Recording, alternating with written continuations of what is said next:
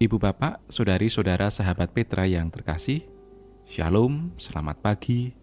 Sudahkah Anda mengasihi orang lain hari ini? Berjumpa kembali kita di dalam program Embun Pagi 10 September 2021 bersama dengan saya Pendeta Andi dari GKJ Demak Ijo.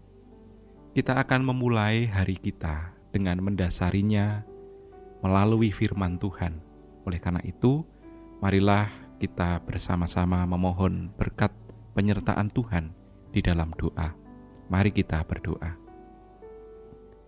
Segala puji, syukur, hormat, dan kemuliaan hanya bagimu ya Allah di tempat yang maha tinggi.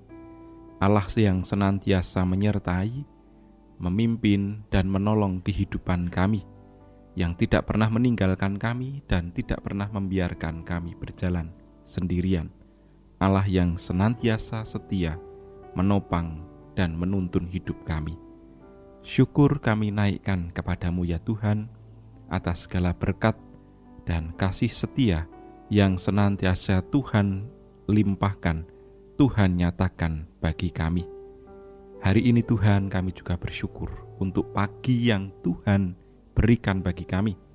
Tuhan memberkati di dalam kami beristirahat semalam dan membangunkan kami di pagi yang cerah dalam keadaan sehat, selamat karena pertolongan Tuhan. Kami akan mengawali hari kami ya Tuhan dengan bersama-sama mendengar dan merenungkan sabdamu. Kiranya Tuhan menolong, memberkati kami, serta memampukan kami, agar kami dimampukan untuk dapat mengerti, memahami sabdamu, terlebih dimampukan untuk dapat melakukan dalam hidup kami sehari-hari. Bersabdalah Tuhan, kami siap untuk mendengarkan. Demi Kristus kami berdoa. Amin. Ibu, bapak, saudari-saudara, sahabat Petra yang terkasih, bacaan sabda pada hari ini terambil dari kejadian 3 ayat 8 dan 9 dilanjutkan ayatnya yang ke-21.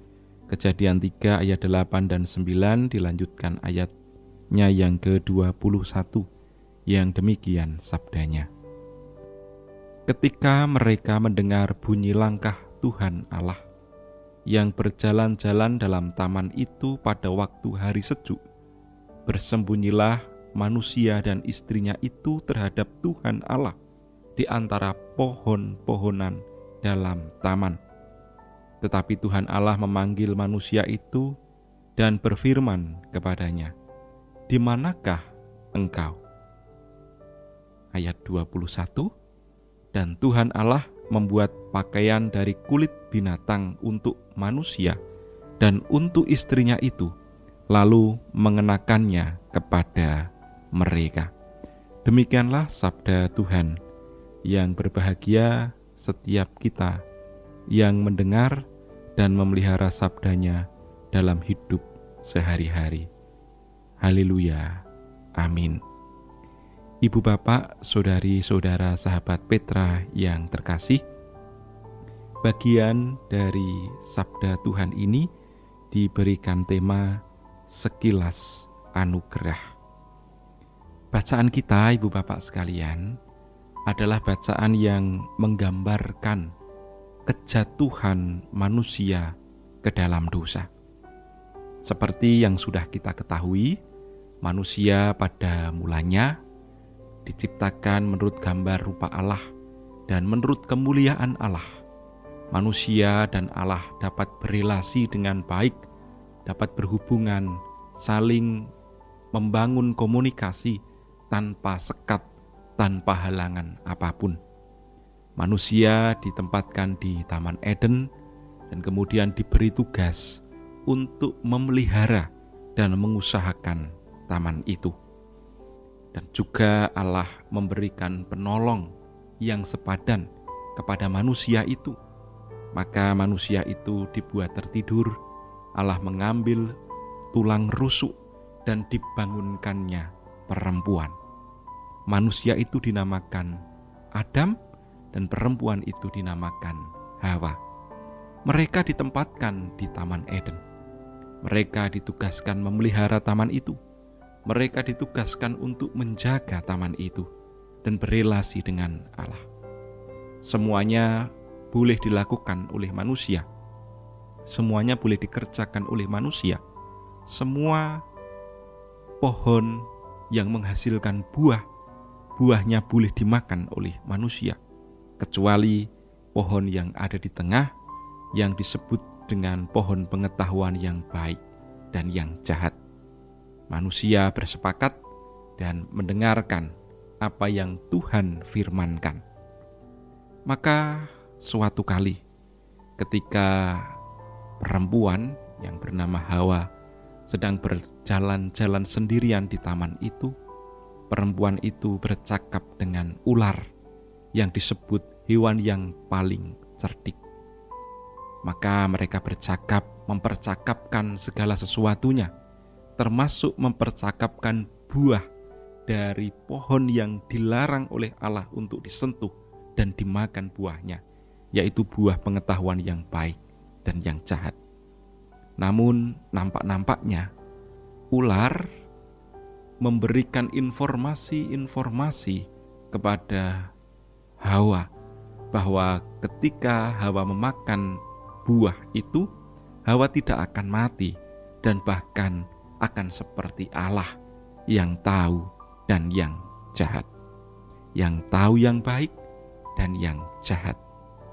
Maka Hawa melihat buah dari pohon itu, dan buah itu menarik hatinya, dan di dalam hatinya pun juga timbul keinginan untuk memakan buah itu agar ia dapat mengetahui hal yang baik dan hal yang jahat. Maka ia mengambil buah itu, memakannya, dan memberikan kepada suaminya, yaitu Adam. Jelas bahwa mereka telah melanggar perintah Tuhan. Maka, ketika Tuhan berjalan-jalan di taman itu, langkah-langkah Tuhan terdengar bagaikan jejak-jejak penghakiman bagi manusia yang baru makan buah yang terlarang itu. Mereka bersembunyi, dan Allah bertanya kepada mereka, "Di manakah engkau?" Dua hal ini bisa kita amati di sini. Pertama, hubungan antara Allah dan manusia setelah kejatuhan dimulai dengan pertanyaan Allah kepada manusia.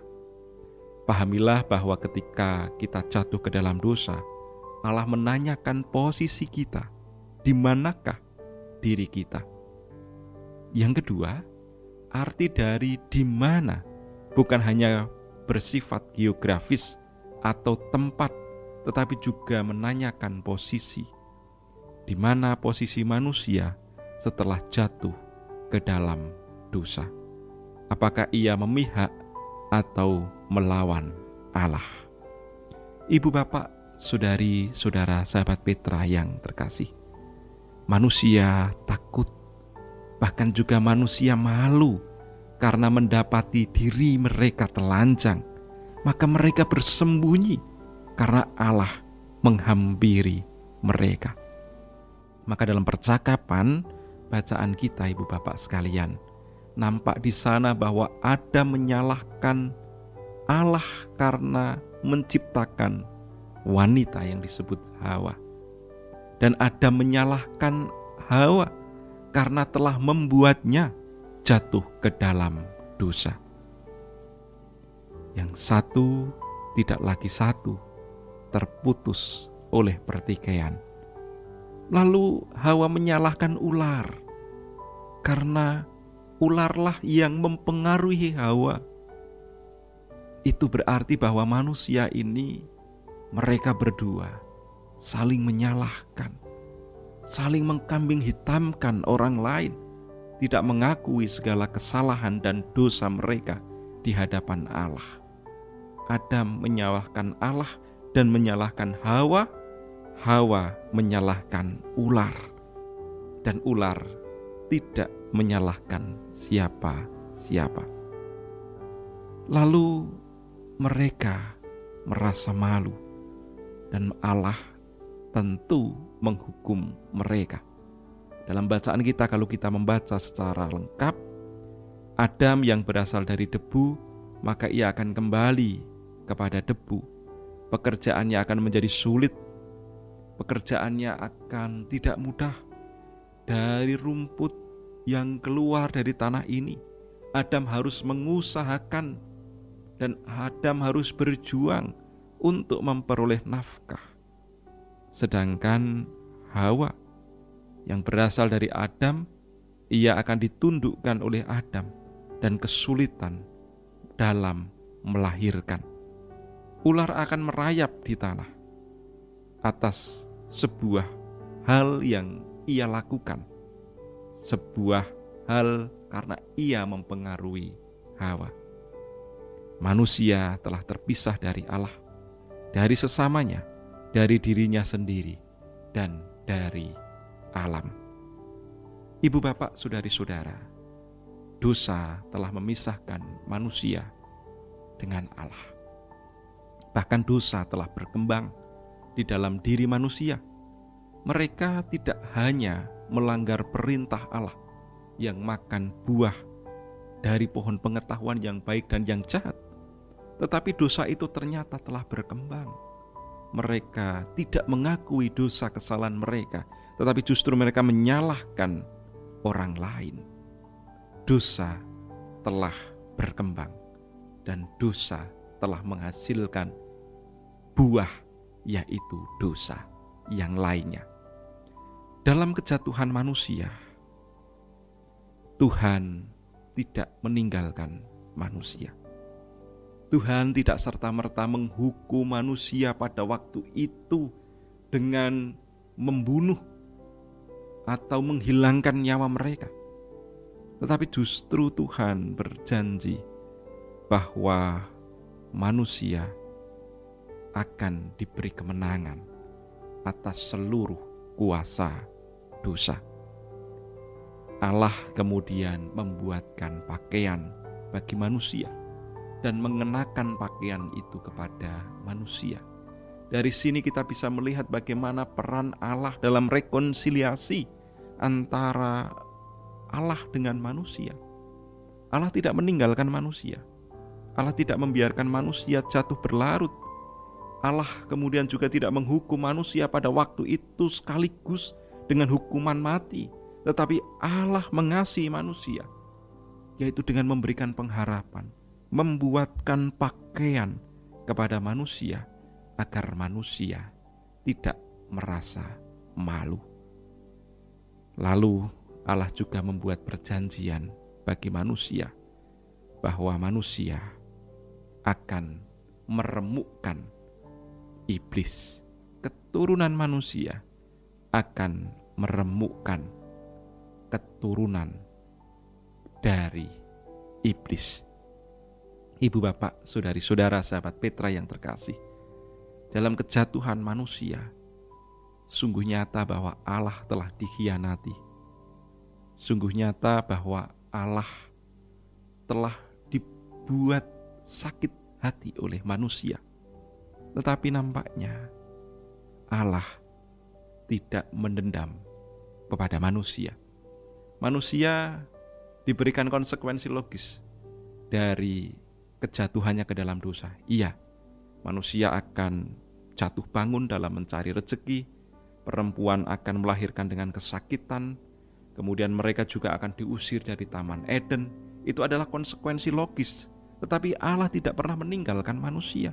Bahkan Allah membuatkan pakaian indah yang menutupi keberdosaan manusia. Dan nanti dalam kelahiran Kristus, Kristus adalah darah Kristus adalah hal yang menutupi ketelanjangan kita manusia dan membasuh kecemaran kita. Oleh karena itu ibu bapak sekalian, di tengah dosa yang ada, ada anugerah Allah yang memberikan pengharapan bagi manusia. Ibu bapak, saudari-saudara, sahabat Petra yang dikasih oleh Tuhan. Kita pun sebagai manusia yang berdosa, janganlah kita terlarut-larut di dalam dosa.